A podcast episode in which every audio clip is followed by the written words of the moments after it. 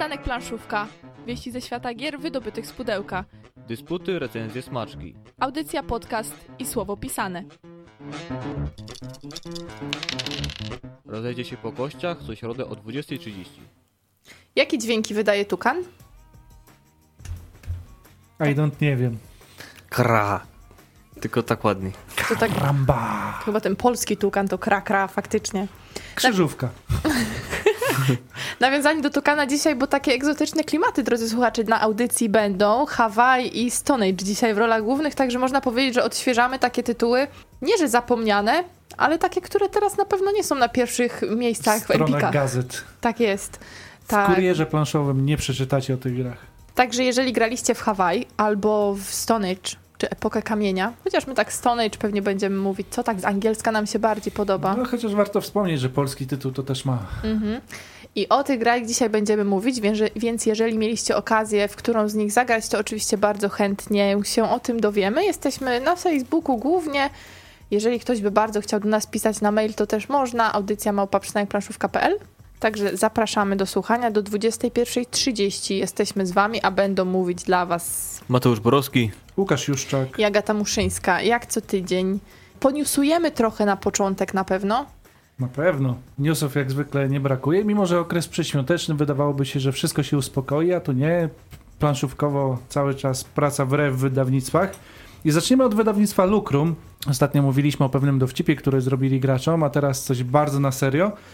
Ponieważ Lucrum wyda Flow of History, czyli cywilizacyjną grę dla 3 do 5 osób, którą da się ro- rozegrać i tu uwaga, uwaga, w jedną godzinę. Mniej doświadczeni gracze podobno będzie tak do półtorej godziny. Polska edycja przejdzie Lifting Graphic, powstający przy współpracy z oryginalnym wydawcą. Czyli jak widać, krakowski wydawca nie tylko nie zwalnia w tym roku, ale na swoich wielbłądach pędzi coraz szybciej. Więcej o grze możecie dowiedzieć się oglądając filmik, który Lucrum udostępniło na ich kanale Facebook. Tam szerzej opowiadają o samej grze, dlaczego ta gra i dlaczego ogólnie gry cywilizacyjne. Także drodzy planszomaniacy, tym razem Lucrum ma coś dla takich bardziej heavy gamerów. Także portfolio naprawdę już się zapełnia i jest dla wszystkich. I dobra wiadomość dla planszom- e-planszomaniaków gruchnęła taka wiadomość, która zelektryzowała świat planszówek, tym bardziej, że wcześniej przecieków nie było. Race for the Galaxy ukaże się w cyfrowej wersji. Dla wielu to już kultowa karcianka i ta na początku roku ma się ukazać na urządzenia z systemem Android i iOS. Aplikacja zawierać będzie tryb single player z sztuczną inteligencją na bardzo wysokim poziomie oraz możliwość prowadzenia rozgrywek online. I tutaj dobra, kolejna dobra wiadomość, zarówno w czasie rzeczywistym, jak i w trybie pass and play. Miłośnicy karcianki będą mogli dokupić także od razu dwa dodatki. Mają być już dostępne w, zaraz po premierze. I zatem będzie okazja, by dać kolejną szansę tej grze, która czasem na, nazywana, określana jest mianem karcianego Puerto Rico. Mm, Ja przyznam, że kiedyś się od, bardzo mocno odbiłem od ikon w tej grze i się zniechęciłem. No właśnie, czy w aplikacji będzie legenda do symboli? Mam nadzieję, że będzie dobry tutorial, który gdzieś tam pozwoli przebrnąć. Pojawiły się też głosy takiego narzekania, no przecież można grać już online na Board Game Arena i tak dalej, ale nie można grać w trybie offline, a niektórzy lubią żyć w offline i przyznam, że ja się bardzo cieszę na to, że ta aplikacja się ukaże. Trzymam kciuki, żeby poziom tej aplikacji był naprawdę wysoki. W trybie offline to sobie można normalnie zagrać w planszówkę taką namacalną. Też, ale jak człowiek sam w domu siedzi, jedzie autobusem na przykład, Mm, Tak. Tym bardziej, że karcianka ma być na i smartfony, i tablety, więc nawet na małych ekranach ma być możliwość grania. Chciałam trochę potrolować znowu, że tylko roll, ale jednak w Roll for the Galaxy w autobusie ciężko grać. No, może się wszystko rozsypać. Okej, jedziemy dalej. Handel i intryga, inwazja, czyli dwa dodatki do gry Orleans wydanej przez wydawnictwo Baldar pojawiły się na Wspieram to. Jeżeli wsparliście kampanię same, samej gry Orleans e, albo kupiliście ją w ostatnim czasie, koniecznie zajrzyjcie na Wspieram to. Warto wesprzeć. e, Podobno bar- kawał dobrego euro a przy dodatkach jeszcze więcej regrywalności, jeszcze więcej miodności. Galacta organizuje Mistrzostwa Polski w grę Katan, lub ja wolę tą nazwę Osadnicy z Katanu. Najbliższy turniej eliminacyjny odbędzie się w sobotę w Łodzi, a na mapie mistrzostw już około 20 miejsc, w których będzie można walczyć o wejściówkę na finał. I tutaj ważna wiadomość, nagrodą główną w finale będzie bilet na Mistrzostwa Europy, które odbędą, oczywiście w grę Katan, które odbędą się 10, od 10 do 12 listopada w Barcelonie, więc jeżeli macie wysoki skill w Katana, koniecznie spróbujcie. My mamy. Hehe, ten dowcip słuchacze, którzy są z nami długo już wiedzą, żaden z nas nie grał w osadników z Katanu. Przyjdzie czas pewnie na to. Chociaż mówią, Żal. że nie, nie powinno się odkładać tak, takich rzeczy.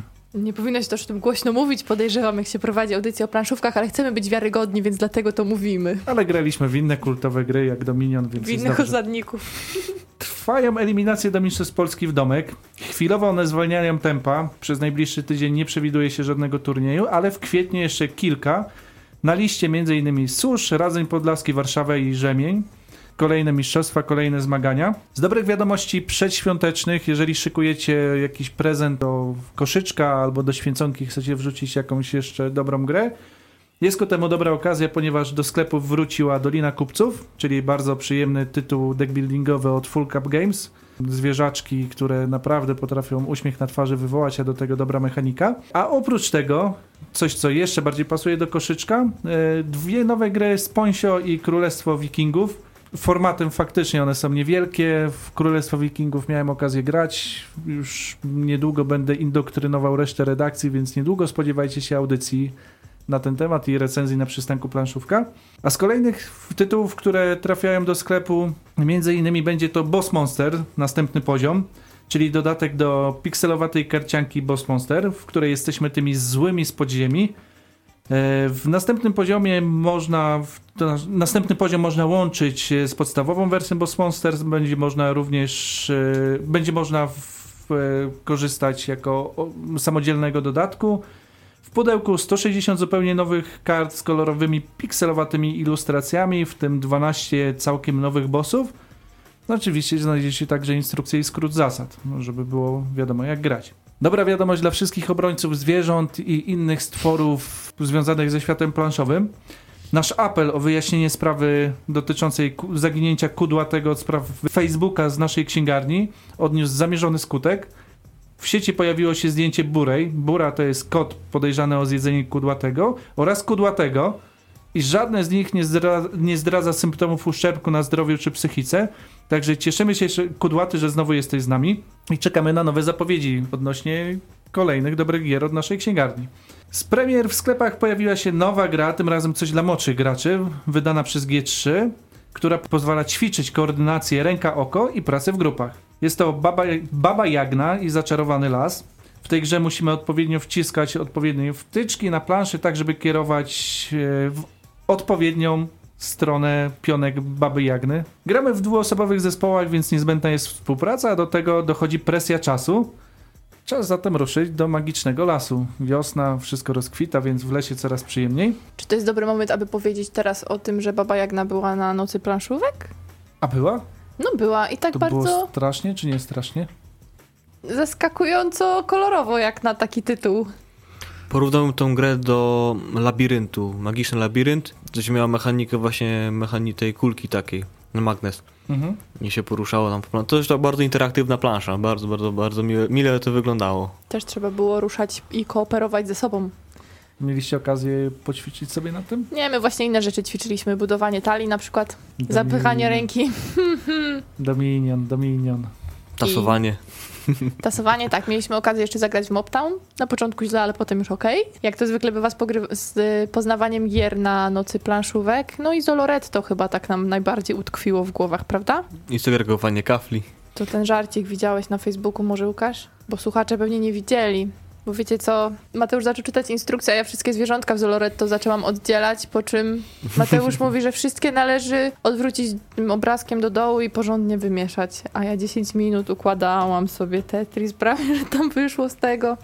Także story of my life chciałoby się powiedzieć. Czyli nie zawsze warto robić porządki. Wiesz co, czasami właśnie warto trzymać się po prostu instrukcji i w życiu, i w grach. To takie przesłanie na, przed świętami. Nie zawsze warto robić porządki. Okej. Myślę, że nie jedna osoba weźmie sobie teraz to do serca, druga część rodziny tej osoby będzie nas przeklinać. I ostatni news. Studenci trzeciego roku przemysłów kreatywnej, kreatywnych Wyższej Szkoły Gospodarki w Bydgoszczy zapraszają na Wielkie Bydgoszcz Granie, czyli akcję, której celem jest popularyzacja wśród bydgoszczan, ale nie tylko bydgoszczan, gier planszowych oraz zabaw, zabaw podwórkowych jako doskonałych form aktywnego spędzania czasu wolnego i, co ważne, integracji międzypokoleniowej. To wydarzenie rozpocznie się 29 kwietnia i potrwa do 30 kwietnia. Między innymi studenci zapraszają do Akademickiej Przestrzeni Kulturalnej WSG e, na cykl wykładów poświęconych tematyce gier.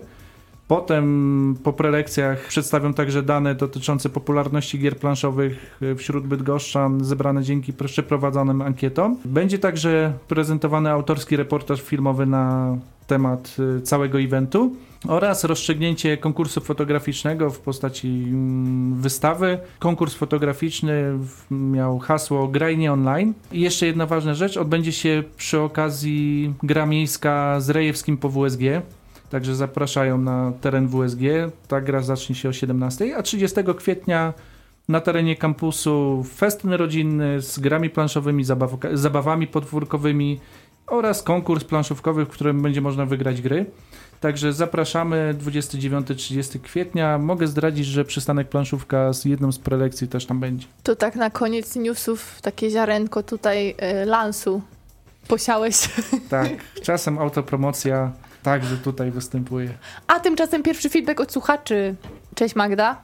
Ta z Tukanem gra lepsza, tak się domyślamy. Krzysztof pyta, kto pozwolił Łukaszowi przytargać Stone Age i że tylko Hawaii. A Kuba pisze, że Tukan. No i to jest najprawdziwsze i najwłaściwsze stwierdzenie co do zdjęcia, które jest na Facebooku. Zapraszamy przystanek Planszówka i Radio Uniwersytet. Tam piszcie nam, czy graliście w te gry. I bądźcie z nami za moment. Będziemy starali przybliżyć się do zasad i wam przybliżyć zasady tych gier. Muzyka oczywiście w temacie, prawda Łukasz? Ale nie taka jak w zeszłym tygodniu. Piękna była w zeszłym tygodniu. Tak jest. Audycja Przystanek Planszówka przenosi się w klimaty epoki kamienia. Mogliśmy jeszcze poszukać jakiejś muzyki takiej granej na kamieniach. Albo coś Daj takiego kamienia. Per perkusyjne jakieś takie rzeczy. Tak, teraz przeniesiemy się do epoki kamienia, e, dzięki grze Stone Age lub jak e, kto woli Epoka Kamienia, w Polsce wydana przez wydawnictwo BART. Niektórzy pewnie mają, tak jak ja, jeszcze starsze wydanie wydawnictwa Hans in Gluck. W Stone Age to taki typowy przykład gry worker placement, czyli jeżeli kojarzycie naszą jedną z poprzednich audycji Filary Ziemi, jest to mechanika polegająca na rozmieszczaniu e, swoich pionków na planszy po to, żeby zdobywać jakieś surowce, potem zamieniać je na punkty zwycięstwa i to też będziemy robili w Stone Age. Każda e, runda Stone Age, a będzie ich bardzo wiele, będzie przebiegała według e, jednakowego schematu. Najpierw będziemy rozmieszczali swoich ludzi na planszy, potem wykorzystywali akcje które zajęliśmy, aż w, na koniec rundy będziemy musieli wyżywić swoich członków rodziny. Na początku gry zaczynamy z rodzinką jaskiniowców, tak sobie przyjmijmy. Mamy ich pięciu, a miejsc do wyboru, po których będziemy krążyli jest sporo. Możemy iść po surowce, takie jak drewno, kamień, cegła i złoto. Możemy zdobywać nowe narzędzia, Możemy w, pójść do chaty dwoma ludkami po to, żeby wyszły potem trzy. Yy, możemy pójść na polowanie, żeby zdobywać jedzenie. Oprócz tego jeszcze możemy zdobywać, yy, budować budynki, zdobywać karty, które będą nam na karty cywilizacji, które będą nam punktowały. Także jest gdzie chodzić.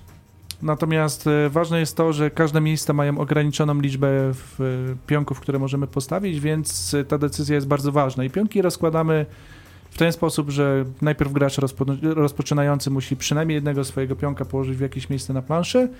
E, jeżeli to pole pozwala na postawienie więcej niż jednego, musi od razu zdecydować, czy stawia jednego, czy kilku, ponieważ wrócić w danej rundzie w to samo miejsce nie może. I kolejka przechodzi do następnego gracza. I tak dopóty, dopóki wszyscy, wszyscy nie wyłożą wszystkich swoich e, członków plemienia. Jak już to zrobią, po kolei wykorzystują swoje akcje tak jak mówiłem, mogą zdobywać surowce, mogą zdobywać narzędzia, podnosić swój poziom rolnictwa, dzięki czemu będzie, będzie im łatwiej wykarmić swoją, swoje plemię, zdobywać karty cywilizacji. Karty cywilizacji będą dawały nam bonusy natychmiastowe w stylu dodatkowego surowca, podniesienia poziomu rolnictwa. Są też e, bonusy, które są przydzielane dla każdego gracza za pomocą rzutu kostki. Rzucamy tyloma kostkami ilu graczy i decydujemy, kto co dostanie. Ewentualnie możemy też budować budynki, które przynoszą nam punkty zwycięstwa. I pojawiło się tutaj ważne słowo Stone Age'a, które do tej pory się nie pojawiało, czyli kostki. Bo Stone Age to bardzo kostkowa gra, co dla jednych będzie już taką czerwoną lampką. Ja nie chcę w to grać, bo to losowość. Jeżeli przyjrzymy się głębiej, to dzięki tym kostkom odnajdziemy właśnie to, co przyciąga wiele osób do Stone Age'a, ponieważ e, w kilku akcjach, takich jak pójście po surowce, w zależności ilu członków plemienia wystawimy, tylu e, tyle kostek potem wykorzystujemy mm, w celu określenia, ile, ile surowca dostajemy. Surowiec ma przypisaną wartość e, liczbową. Drewno jest warte 3 oczka, cegła 4, 5, kamień i 6 złoto. Czyli mamy już prosty rachunek prawdopodobieństwa. Jeżeli wyślę 6 członków plemienia, wiem, że przynajmniej po to, żeby przynieśli złoto, wiem, że przynajmniej jedno złoto przyniosę. Jeżeli puszczę jednego, mam szansę 1 do 6, żeby zdobyć cokolwiek. Także tu już zaczyna się taka fajna zabawa w Stone Age'u. A te surowce potem będziemy wymieniali właśnie, czy to na budynki, czy to na karty cywilizacji, także one są cały czas nam potrzebne. I co ważne, tutaj cały czas jest taka próba e, określenia jakiejś optymalnej strategii, próby znalezienia, czy chcemy pójść bardziej w narzędzia, które pomagają, właśnie narzędzia pomagają nam do rzutów kostką, czy bardziej będziemy chcieli pozyskiwać punkty z e, kart cywilizacji, czy z budynków. Także dróg do zwycięstwa jest kilka, a na koniec każdej rundy jeszcze będziemy musieli wyżywić swoich członków rodziny. Sposób żywienia jest bardzo prosty porównujemy swój poziom rolnictwa z tym, ilu mamy członków plemienia. Różnicę między jedną a drugą liczbą musimy zapłacić. Jeżeli mamy więcej członków plemienia niż poziom rolnictwa, musimy zapłacić e, zdobytymi surowcami, e, zdobytymi żetonami jedzenia. Jeżeli nie mamy jedzenia, musimy ich wyżywić, na przykład jedz kamień. Jeden, jeden brakujący znacznik e, jedzenia to jeden surowiec, nieważne jaki. A jeżeli tego nie ma, to dostajemy minusowe punkty. I tak dopóty, dopóki nie zniknie jeden ze stosów budynków, y, ich jest różna ilość w zależności od liczby graczy, y, albo nie skończą się karty cywilizacji. Na koniec podliczamy te punkty, których nie widzieliśmy na początku, czyli, bo część punktów zaznaczamy od razu, na przykład z budynków, a w przypadku kart cywilizacji punkty w, są przydzielane dopiero na sam koniec. I kto zdobędzie najwięcej punktów zwycięstwa, wygrywa. Zaskakujące. Jak zawsze. No to Homo neandertalis już było, także przejdźmy trochę na wyspy, czyli Hawaii. Autorstwa Gregorego Daigle, wydawnictwa Hans im Glück, a instrukcję widziałem, że jest przez G3, robiona dla, Pol dla Polaków. Gra dla 2 do 5 graczy, od 10 lat można zacząć to grać, albo wcześniej, 60-90 minut trzeba poświęcić. I w ogóle o czym to całe Hawaii jest i czy, czy znajdziemy tam jakiegoś tukana? Otóż gracze wcielają się w wodzów na wyspie e, Hawaii, którzy otrzymali od króla wyspy ziemię i muszą dowieść, że ich królestwa dobrze prosperują. To też starają się jak najbardziej urozmaicić swoje wioski przez wnoszenie chat, świątyń, e, łowienie ryb, wspieranie tancerek i surferów, poszukiwanie kahunów i zdobywanie tiki. Co otrzymujemy w tym mm, orientalnym pudle? Może piach, kokosa, wodę, muszle?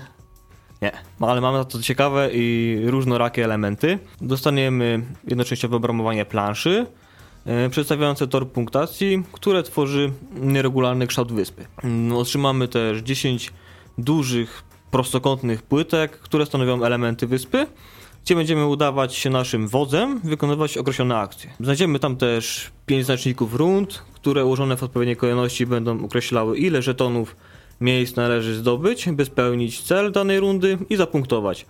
Ponadto określają ilość zasobów, jakie otrzymujemy na początku każdej rundy, czyli ilość znaczników stóp i muszli. Zatem będzie o chwilę. Mm, otrzymujemy także płócienny woreczek. Służy on do ustalenia cen akcji na wyspie, które będziemy musieli zapłacić odpowiednią liczbą muszli, jeśli zdecydujemy się udać naszym wozem w głąb dżungli i zdobyć coś dla naszej wioski. Znajdziemy tam jeszcze 26 żetonów cen o wartości od 2 do 6. Są one dwustronne. Po jednej stronie widnieje liczba, a po drugiej namalowane są ryby.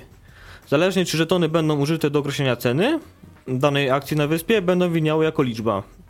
Mogą też sobie pływać rewersem, czyli rybną stroną, zatoce, gdzie będziemy mogli udać się na łowy naszym wodzem w ramach jednej z wielu akcji.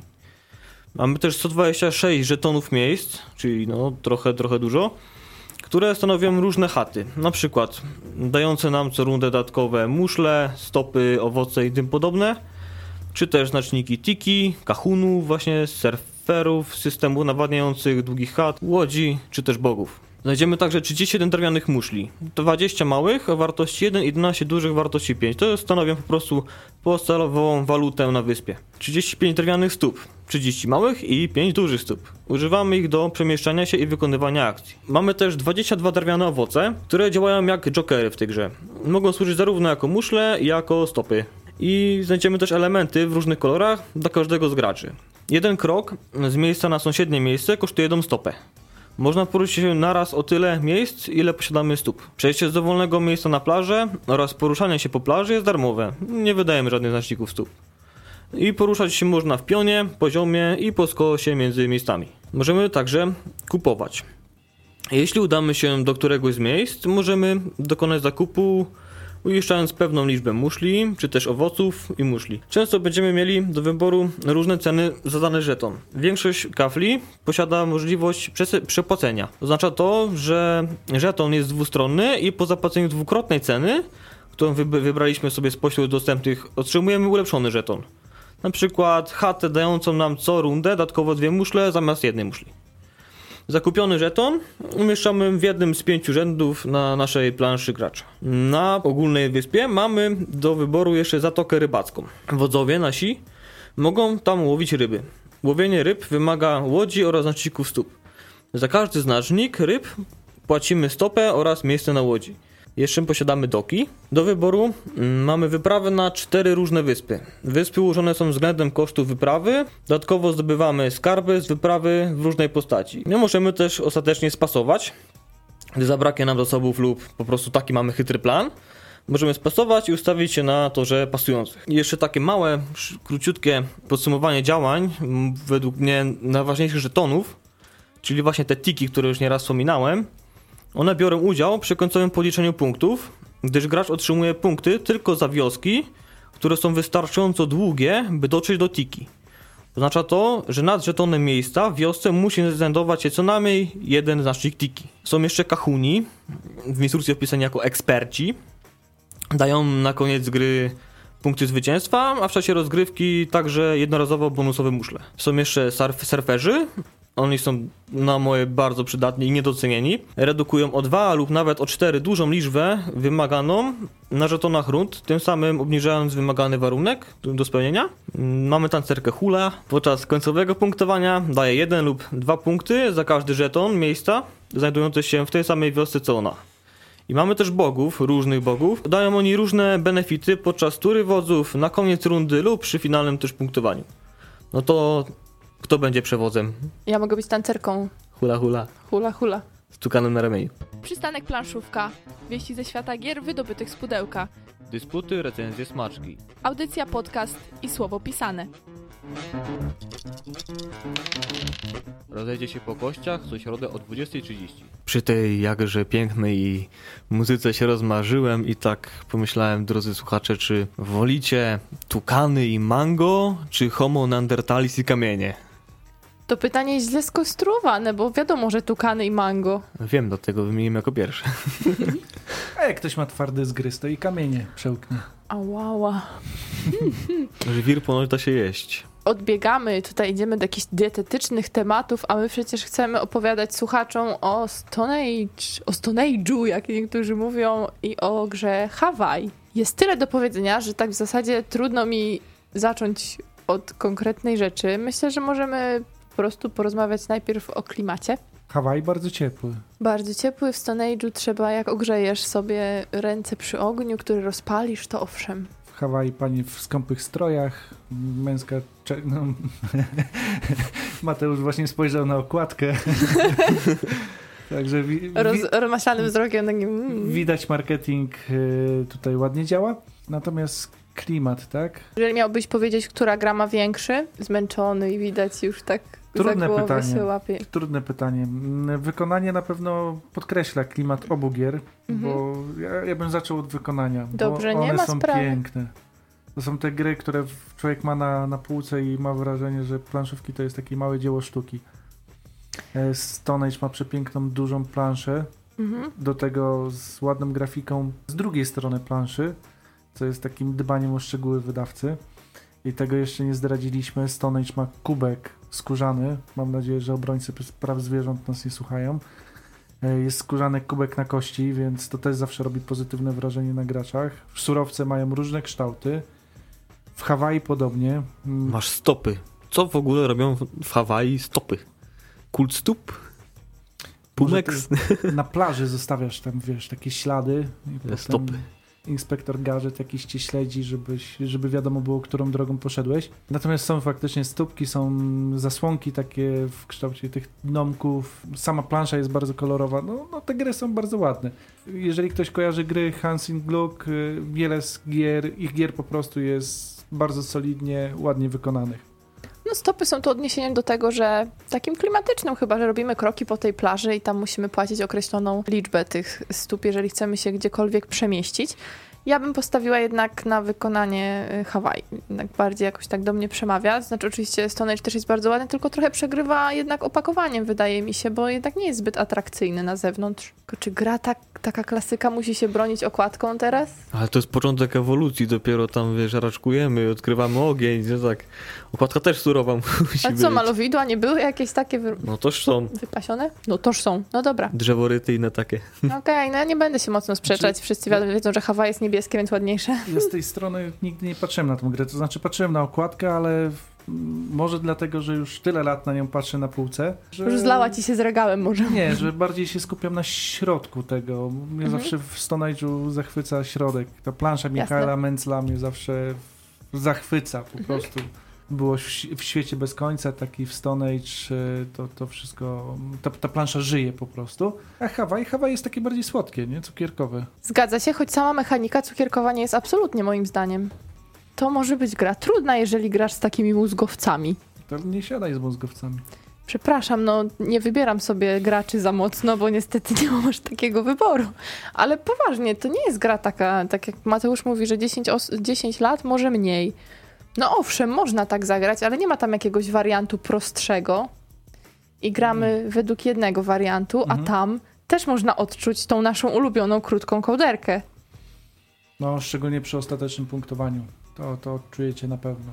Jeszcze tak jak my ostatnio, że się zdziwiliśmy, o kurczę, to jednak ostatnia runda już była, oj. No faktycznie, bo w Stone Age'u tych rund się gra, gra, gra, Mhm. gra i gra przez półtorej godziny, czy tam godzinę mamy tą powtarzalność rund, a w Hawaii tych rund jest kilka i faktycznie trzeba wszystko mocno liczyć. I te możliwości momentami, myślę, mogą być przytłaczające. Bo Ale- jednak musisz, pła- musisz płacić tą określoną liczbę za te akcje, nie zawsze ci wystarczy. Ale z kolei ułożenie wyspy w Hawaii jest losowe w tych kafli, które mamy dostępne, więc każda rozgrywka o to się e, różni. Dodatkowo dobrze znać zasady na początku niż poznawać je w trakcie, bo często jest tak, że no, przeczytamy instrukcję, gramy i doczytujemy pewne zasady. I no, gramy bez jakiejś takiej no, bliżej określonej strategii, ale tam faktycznie są często określone pewne ścieżki, które warto od samego początku pielęgnować po to, żeby zapunktowały na koniec, a te rundy naprawdę szybko, szybko biegną. Mm, Więc to jest jedna z gier, które naprawdę trzeba, ale myślę, że Stone Age to samo, że jednak trzeba je ograć, nie tylko zagrać, tylko ograć i wtedy z każdym, jakby z każdą partią ona nabiera faktycznie jakiegoś takiego nowego wydźwięku, ma się nową perspektywę na to wszystko. Tym bardziej, że faktycznie, no w Hawaii powiedzmy, już trzymając się tego tytułu, możesz sobie taki jakiś mechanizm i tak zrobić, że tych stóp ci wystarczy, bo bierzesz wioski, które akurat, te kafelki, które tam mają stopy, albo wiesz, że potrzebujesz więcej owoców, no to, to bierzesz je. A no dalej będę za tym obstawać, że tych możliwości jest wiele i nie wykorzystasz wszystkiego, co jest fajne. W dużej mierze będzie o naszych ruchach decydował sam mechanizm ry- rynku, Mhm. tych skorupek, które się wykłada Tak. z różnymi wartościami. Możemy sobie na początku gry przyjąć, że idziemy według tej ścieżki, ale nagle ceny skoczą tak w górę, że trzeba modyfikować naszą strategię. Na pewno nigdy nie zrobi się takiej wioski, jaką by się chciało tak do końca w 100%, ale można kombinować. Tutaj myślę, że też wyczucie to, o czym mówisz, że faktycznie wyczucie potem w trakcie gry, e, jak już się pozna, zagra raz, drugi, trzeci, też będzie procentowało. Natomiast chciałbym podkreślić, że mimo wszystko te gry nie mają jakiegoś wysokiego progu wejścia. To 10 lat, myślę, że 10-latek, który grał już w jakieś inne planszówki ze Stone Age sobie spokojnie powinien poradzić. E, W Hawaii przy odrobinie pomocy myślę, że też. Bo to jest mimo wszystko pewna powtarzalność akcji, które wykonujemy. Mm, Wspomniałeś, Łukasz, o tym ustalaniu cen. tam co rundę w Hawaii się te ceny ustala, Mhm. co na początku myślę może być problematyczne dość. Mm, To jest chyba najmniej intuicyjna rzecz w tej grze, nie? Tak, tak, bo to trzeba tak po prostu policzyć. Potem to wiadomo się już robi to automatycznie, acz pamiętam na samym początku dosyć to kłopoty sprawiało. Skumać zasadę, no i przede wszystkim to, to, to jest często wyciągany zarzut wobec tej gry, że to jest po prostu czasochłonne. Mhm, Że za każdym się. razem musimy te żetoniki wyjmować, dodawać, sprawdzać, czy dokładamy jeszcze dodatkową muszlę, czy, to znaczy skorupkę, czy nie. Także to trochę czasu zajmuje, no ale chce się grać, to trzeba setup też zrobić. Przy tych grach, gdzie potrzeba sporo czasu, żeby je rozłożyć, to doceniam te takie mniejsze tytuły i aż dziwnie mi, kiedy rozkładam to takie, wiecie, rozdajemy karty, gramy. To jest takie wtedy odbudowujące psychikę i chęć do gier. Co z tą losowością w Stone Age? Bo to jest jeden z, z większych zarzutów i w ogóle przy worker placement losowość, jak to się ma jeden do drugiego? No kostka, kostka, kostka. Kostka to zło w grach planszowych i kostka to powinno się zniszczyć wszystkie kostki, bo przez nie wszystko się psuje, nasze Całą plany. strategię, tak. A chwaliłeś te kostki w Stone Age'u? No bo to jest jedna z gier, które przywróciły moją wiarę w kostki. Ja przyznam, że jako początkujący bloger też byłem. W sumie jeszcze zanim zacząłem blogować, tak naprawdę gdzieś tam popełniłem felieton dotyczący stygmatu gry planszowej, czyli kostki. Jako tego właśnie, co, co odstrasza ludzi. Przypomnijcie sobie Monopoly, kostkę w Monopoly albo w Chińczyku, albo w, Mm. tego typu grach. Przejdziesz przez start albo nie przejdziesz przez Zmora, start, ktoś tak. cię zbije, nie zbije. Albo jeszcze gry, pozdrawiam moich studentów, którzy musieli się z tym borykać. E, gry, które są tworzone tak, że jeszcze człowiek się odbija na przykład od mety, jeżeli wykulnie zbyt duży wynik z mora. Natomiast e, w Stone Age'u mamy kapitalnie wykorzystany prosty rachunek prawdopodobieństwa. To wysyłanie swoich, e, mówiąc tak żargonem planszowym, workerów na planszę, próba przewidywania, jaki będzie wynik kostką. Do tego jeszcze dochodzi, w Stone Age, pomimo tej losowości wynikającej z, kost, z kostek, pozwala właśnie minimalizować straty. Czyli albo wysyłamy wielu swoich workerów, albo stawiamy na narzędzia. Narzędzia są dobrem, o które ciężko się walczy, szczególnie więcej osób, jeżeli gramy, ponieważ tylko jeden gracz w danej rundzie może zdobyć narzędzie, a narzędzie pozwala nam dodać wynik, dodać do wyniku rzutu kostką odpowiednią liczbę oczek. Także to naprawdę potrafi, w, szczególnie w tej drugiej części gry, jak już człowiek rozwinie swoją jakąś strategię, którą obrał, naprawdę potrafi mocno wpłynąć na rozgrywkę. Ale można to spojrzeć, to jest trochę nie matematycznie, lecz fabularnie. Zobacz, masz grupę jaskiniowców i jest wiele mniejsze prawdopodobieństwo, że taki jeden jaskiniowiec ci ogarnie dany surowiec, a jak wybiorą ekipę, najwyżej parę zginie, coś tam przyniosą. Taki wiesz, Nie no, zgadza się. na No, masę. Jak najbardziej. W grupie siła, a jeżeli ktoś chce sam, samotnie żyć, no to musi sobie pogłówkować, tak? Czyli jakieś narzędzia wymyślić. No i wszystko gra. Dobrze, że tych kości nie używa się wtedy, kiedy te dwa ludki wchodzą do stodoły i wychodzi trzeci. Magia. Bo nagle pięciu byś wyrzucił i tak naraz i co wtedy? To fabularnie to by się broniło, ale ho, ho wyżywić to No. potem? Trojaczki, tak? No. E, Na szczęście tylko do 10 można dobić, także wiadomo, w epoce kamienia e, wioski nie mogły być duże ze względu na chociażby słabo rozwinięte rolnictwo albo konieczność zapewnienia opału i tak dalej, żeby przetrwać zimę. Już tak płynę trochę z tym tematem. Tak, pozostawałoby dobić wtedy tylko. Tak, albo zjeść. Okej, to jak już nam tak tutaj się robi krwiście, Właśnie, a propos jedzenia, tam nawet żetony, e, żetony jedzenia są zje- do zjedzenia. różne wartości, niestety nie. Chociaż może dobrze, bo to by było tak jak Pandemic Legacy. Gra jest jednorazowa. Gra jednorazowa. E, ale w zależności od tego, jaką mamy wartość jedzenia, są różne, różne rzeczy do zjedzenia na nich. W sensie albo to są jakieś grzyby, nie lubię tego żetonu, bo nie lubię grzybów, albo w jakieś jagódki, a najdroższy, on jest chyba o wartości 10, to jest skóra niedźwiedzia. Także też odwzorowuje mm, różne trudy polowania. Dobrze, fabularnie się broni zatem, a jak już mówimy o takich krwistych rzeczach, to może czas nawiązać do negatywnej interakcji. Czy fani takich zagrywek coś dla siebie znajdą? W Hawaii nie odczuwam tego bardzo mm, dotkliwie.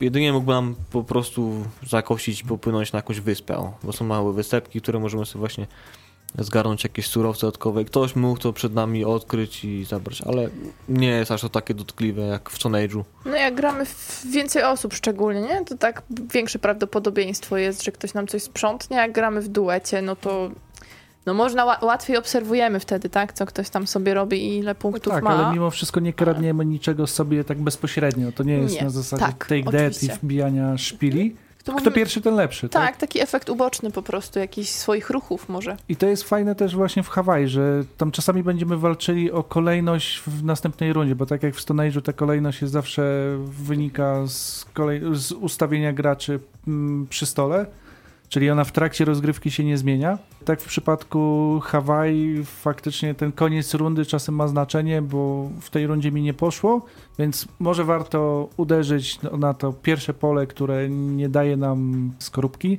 z cyferkami ale za to da nam pierwsze miejsce w- do startu w następnej rundzie, czyli potencjalnie najlepszy wybór z całej planszy. Tak, bo po prostu w Hawaii trzeba się spieszyć dość. Te rundy wbrew pozorom idą bardzo szybko i na żetonach rund mm, są określone też surowce, które dostajemy z każdą rundą i one maleją. Dostajemy mniej tych znaczników stóp, mniej muszli, więc jeśli nasza wioska się dość słabo rozwija albo braliśmy dość taką kiepską strategię, że nie mamy chociażby jednego domku, co produkuje nam co rundę dodatkowe muszle lub też stopy, no może nam być ciężko, potem dostajemy już tak mało surowców, że ogranicza bardzo nasze ruchy. Dlatego trzeba dbać o całą wioskę na przyszłość. Od samego początku. No tak jak mówimy o tym Hawaii teraz, to taką, tak bardziej chyba doceniłam jeszcze tą grę, bo ona faktycznie jest taka zbalansowana fajnie. Siadasz też dla przyjemności, bo ona jest ładna, no ale przy tym jakby możecie sprowadzić trochę do parteru, do plaży po prostu aż, no bo jak nie pomyślałeś, przegrywasz. Mhm. Łatwo zostać w tyle. Tak, e, ale Hawaii mimo wszystko jest trochę mniej regrywalny moim zdaniem. Mm. Pomimo tej zmienności, która jest w cenach, w ułożeniu, bo też dużym plusem Hawaii jest to, że te pola na planszy się różnie układają. Niby mamy cały czas ten sam kształt wyspy, natomiast w każdej rozgrywce rozkładamy to w losowej kolejności. Więc to też zmienia nam akcenty w trakcie rozgrywki, bo gdzieś musimy po coś dalej iść. Nie wiem, ja do Stone Age'a jakoś chętniej, chętniej wracam pod tym względem, że ta kostka daje mi takie większe emocje. To tak może dziwnie brzmi, ale faktycznie tak jest. I Stone Age też ma, tak jak tutaj cały czas mówimy o Hawajach, tych budowaniu strategii, tym odkrywaniu, po co warto iść. Mateusz zaznaczył, że na przykład ci surfer- surferzy są często niedoceniani, bo to prawda, oni są niedoceniani. Tak samo te tancerki hula, niby taki malutki żetonik, ale na koniec e, przy mocno rozbudowanej wiosce potrafi e, dodać nam trochę punktów. E, W Stone Age'u też tak jest, że jak zaczynamy grać z doświadczonym graczem, widzimy, że on od początku buduje pewną strategię i nagle nie wiadomo skąd ponad 200 punktów mu wyskakuje. Także to jest bardzo sympatyczne. Mm, czyli można się rozwijać jako gracz w obu grach i w Stone Age'u bardziej na to wychodzi, tak? Oj tak. Na, Mhm. w, do tego stopnia, że na Board Game Geeku są jakieś tam strategie wyliczenia, jakie ruchy powinno się w, na początku gry, a jakie w dalszych etapach wykonywać, żeby gdzieś tam optymalnie grać. I mówią, ile masz na kości wyrzucić na pewno. Tak, to jest zawsze szóstka. Mówią o Stone Age, że to klasyka worker placement. Ja się tym przeraziłam, szczerze mówiąc, bo ogólnie dla mnie na przykład ta mechanika nie, nigdy nie była czymś fascynującym. No wysyłasz swojego człowieka, gdzieś on ci coś przynosi. Louis i Clark Mhm. ma też tam ten element i tam to było fajne, to pamiętam. Mhm. Natomiast właśnie jak siadałam do Age, to przyznam, że trochę się bałam, no bo mówię, kurczę, no chodzisz, wiesz, tam tego ludka bierzesz, no ale nie dziwię się, że to klasyką zostało nazwane, bo jest okej. Klasyka nam się tak ciężko kojarzy bardzo, do tego dążę. No, chyba tak. I tutaj masz takie coś, że o Boże, ale będzie nuda i, i tak dalej, ale nie, jest w porządku. Także jak ktoś chce worker placement spróbować, znaczy bardziej bym poleciła na, na jeźdźców z północy już aktualnie, ale to jest po prostu taka rozpiętość, wiecie, w wieku tych gier, że Stone Age jest o tyle fajny, że to jest stara gra, bo 2008 rok. Najczęściej jako taki klasyk, klasyk klasyków worker placement Mhm. jest podawany albo Kailus, którego bardzo polecam, ale tylko wytrwałym graczom, bo jest suchy jak pieprz i wymaga ciągłego skupienia, zero losowości, albo Filary Ziemi, które już recenzowaliśmy. I tak jak w filarach ziemi ten, ta mechanika ma to do siebie, że jeżeli to jest taki czysty worker placement, to faktycznie staje się bardzo mechaniczna po iluś rozgrywkach ta gra. I w filarach ziemi, jak już wspominaliśmy na audycji, mnie to przeraziło, jak wróciłem po latach do tego tytułu, bo dla mnie e, nie było już tam magii samej rozgrywki. Wysyłałem tych robotników, potem wszystko to było takie mechaniczne zbieranie z planszy, zero jakichś emocji. E, w mimo wszystko, może właśnie dzięki tej kostce, może dzięki ukrytym punktom, które są w tych kartach e, cywilizacji, gdzie na przykład jeszcze premiują nam za to, że jeżeli rozwijaliśmy, mo, szliśmy mocno w rozwój liczby ludności, możemy zbierać karty, które dodatkowo będą nam podbijały punkty za to na koniec. Karty, karty wiedzy, które są w, z zielonym tłem, one za, zbudowa- za zebrane sety nam punktują, podnosząc do kwadratu liczbę posiadanych różnych tego typu kart. No tam jest, tam jest duża taka fajna zmienność i ta gra, nie wiem, mi się nie nudzi. Grałem Mhm. też na iPadzie w to w na Androida niestety nie ma, na, na iOS-a jest implementacja Stone Age'a dość udana, także to wciąga, mimo wszystko wciąga. Czyli nie najsuchszy worker placement, Znaczy suchy on jest, ale nie najsuchszy. najsuchszy nie. nie Kailus jest nie. najsuchszy. Natomiast Hawaii jest mimo wszystko takim w Polsce chyba mało znanym tytułem. No, jak chciałam sprawdzić ceny, tak z ciekawości, no to wyobraźcie sobie, że nawet 200 zł trzeba zapłacić. Serio? No, ale O. to był jeden z- pierwszych wyników, to pewnie się domyślacie gdzie. Y, No, ale faktycznie, no i że w wielu, w wielu miejscach niedostępne, także to nie jest tak, że pyk i zamawiamy sobie Hawaj, nie? Chociaż, Mhm. No właśnie nie wiem, czy tak bym z czystym sumieniem powiedziała słuchaczom, dobra, chcecie grę jakąś, może nie na pierwszą, tylko kolejną, no to na pewno któraś z tych. Myślę, że sporo już wyszło tych gier, które polecałabym chętniej, mimo że te są całkiem w porządku, Mhm. tak jak mówimy, no bo im trudno jest coś zarzucić takiego konkretnego. One, one są dobre, dobrze zrobione. Mhm. Hawaii kiedyś mnie przerażało, jak zacząłem znowu. Trochę też potem trafiłem na online wersję. Tam jest taka strategia bu- budowania odpowiedniego wioski. Myślałem, że to będzie taka strategia wygrywająca, bo z początku tak to wyglądało. Na szczęście obala mi tak nie jest. Próbowałem grać na różne sposoby i potrafiłem na różne sposoby prze, przegrywać, albo patrząc na i wygrywać. E, nie tylko przegrywałem na szczęście, e, ale też patrzyłem jak grają inni gracze. W, właśnie świat online jest świetny pod tym względem. I faktycznie można punkty na różne sposoby tam zdobywać, na, różnie rozwijając wioski, albo idąc w mniej, a mocno rozwiniętych, albo więcej, ale rozwijanych do pewnego poziomu. Tych dwóch gier, tak nawiązując do tego, co, co powiedziałaś, y, bardziej polecam Stone Age. Mimo wszystko. Ja jestem, może, może dlatego, że nie wiem, mam duży sentyment do tej gry, e, ale on dla mnie jest taki łatwiejszy w przyswojeniu, bardziej dynamiczny. Fajnie się skaluje, bo tego jeszcze nie powiedzieliśmy. Stone Age ma mechanizmy skalujące, bo tam w zależności w ilu graczy gramy, w niektóre pola będzie mógł iść na przykład tylko jeden gracz e, w przypadku, kiedy gramy w dwie osoby. W przypadku Hawaii nie ma żadnego mechanizmu skalującego. Mhm. Przez to jak siadamy w pięć osób, to faktycznie na tej wyspie robi się ciasno. Bardzo ciasno. Dynamicznie. No ale ceny strasznie wtedy skaczą w górę, nie? No to... Zależy jak, czy Prawo dynamicznie dżungli to wiesz, działać. dynamicznie zależy jak to długo myśli też, nie? No ale to zawsze jest przy tych grach, tak to nie jest zarzut do Hawaj, tylko po prostu Mhm. zawsze tak jest. Age też potrafi się trochę przyciągnąć, chociaż tam szybciej się człowiek nabiera takiego rozpędu, bo wystarczy kilka rund i każdy wie już, co ma robić. Mhm. E, Decyzje w jakiej kolejności też nie są takie trudne. W Hawaii trzeba mimo wszystko policzyć to, gdzie, którędy, jaką drogę obrać. Tak, tak? stopy, czy nam wystarczy. A jeśli chodzi właśnie o Hawaii, to może być trochę, no jak to zauważyłeś, gra cięższa do zdobycia.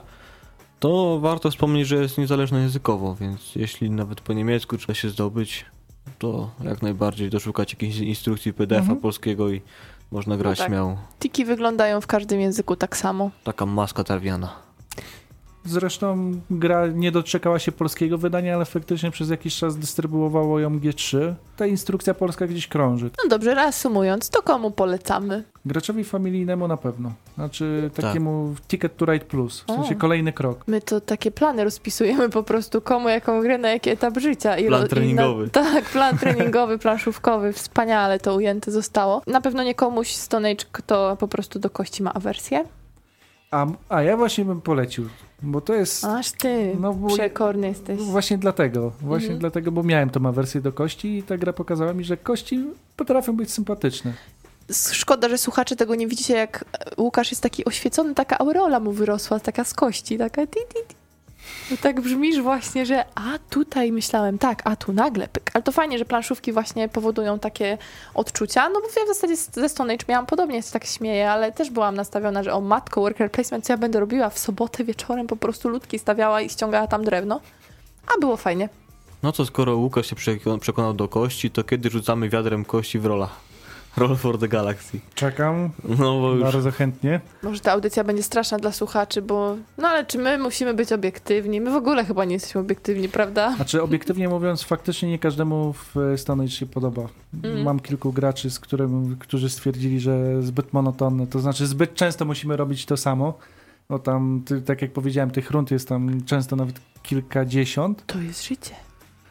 No, ale tak, tak, to jest życie. Mimo, że jaskiniowcy żyli krócej niż my, ale też widać te trz- 30 lat kro kroczenia po ziemi było dla nich trudne. Zawsze można potem usiąść po tym sobotnim, ciężkim wieczorze w niedzielne przedpołudnie i popatrzeć na tancerki. Takie bardziej klimaty pójść hawajskie. Mhm. W ogóle ciekawostka, jednym z recenzentów, który skrytykował Hawaii jest e, Tom Wassel, jeden z bardziej znanych recenzentów światowych i zastanawiam się na ile jego opinia nie wpłynęła faktycznie na odbiór tej gry. A, a to by się po tej recenzji przecież spodobała. Tak, bo bardziej się skupiłem na to, co przedstawiał, jaka jest mechanika i stwierdziłem, że od razu to jest gra dla mnie. I faktycznie to był jeden z tych tytułów, muszę go mieć. Więc drodzy recenzenci, co nie sądzicie o grach, piszcie zawsze prawdę. Nawet jak jakąś grę skrytykujecie, to być może ktoś tam będzie gdzieś siedział w dalekiej Bydgoszczy i stwierdzi, a On to się gra nie dla zna. mnie. tak, jest. No dobra, mamy nadzieję, że będziecie z nami na kolejnej audycji. Damy wam znać, co tam się kolejnego będzie pojawiało, bo gier coraz więcej i coraz więcej do mówienia. A tymczasem dziękujemy wam i będziemy chyba teraz składać życzenia wielkanocne na tą ostatnią minutę. Jak najbardziej wesołego aleluja, pięknego zmartwychwstania. Smacznej choinki, wesołego jajka. Nie, są odwrotnie. Bo... A ja wam życzę, żebyście mieli okazję y, usiąść do planszówek, ale nie w poniedziałek, nie w lany poniedziałek, bo planszówka ucierpi i będzie smutek. Mówili dzisiaj dla was Mateusz Browski. Łukasz Juszczak. i Agata Muszyńska.